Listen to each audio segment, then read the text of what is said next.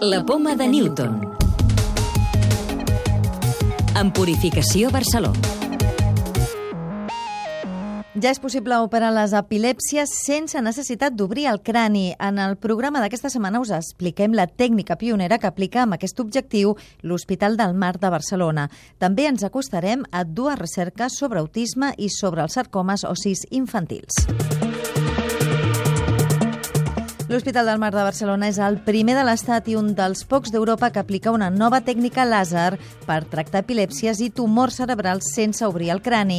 El que fan és una petita incisió per col·locar una sonda làser controlada per ressonància. Això permet tractar lesions més petites, complexes i de localització difícil.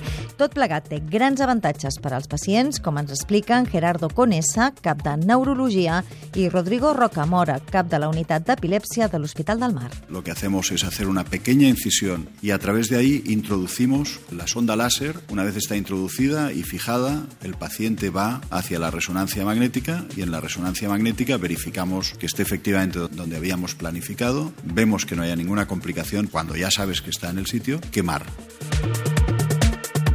La gran diferencia de poder controlar la temperatura que aplicamos con la sonda láser nos permite ir haciendo una destrucción controlada del tejido que queremos en su momento dañar. Y la gran, gran, gran diferencia es que permite ver exactamente lo que estamos haciendo.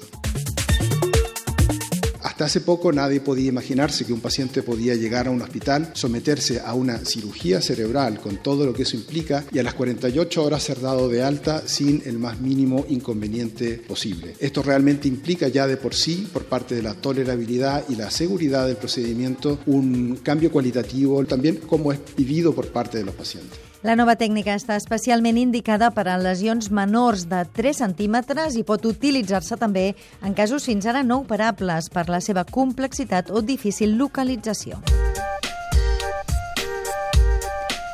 També destaquem que un equip internacional dirigit des de l'Institut de Recerca Biomèdica troba una proteïna clau en el desenvolupament de l'autisme. L'estudi pot millorar el diagnòstic i també podria servir en el futur per dissenyar teràpies per a aquest trastorn.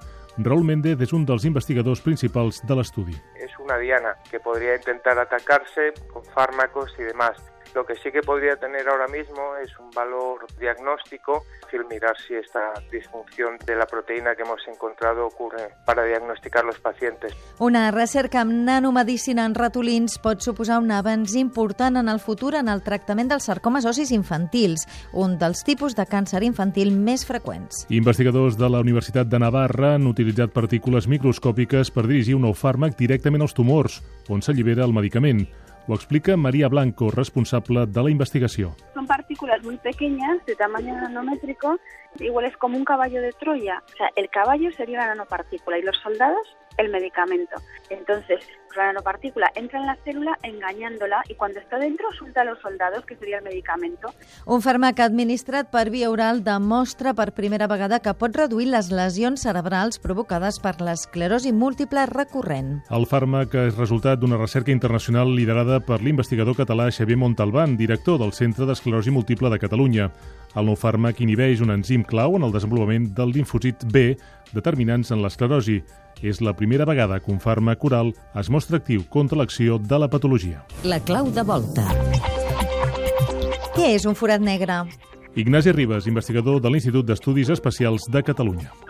Forat negre és un objecte astrofísic. És un objecte tan i tan condensat que res no en pot escapar d'ell ni tan sols la llum. Sigui, és negre perquè no emet res. Llavors, un forat negre no és res estrany. De fet, qualsevol objecte massiu que tingui una certa massa pot ser un forat negre si no el fa prou petit. A la Terra mateixa la condensessin moltíssim, acabaria sent un forat negre perquè la gravetat feia tan forta en aquesta zona que no permetria que res escapés ni tan sols la llum. Recordeu que ja podeu descarregar-vos el podcast de la Poma de Newton o subscriure-us al programa per rebre'l directament als vostres dispositius.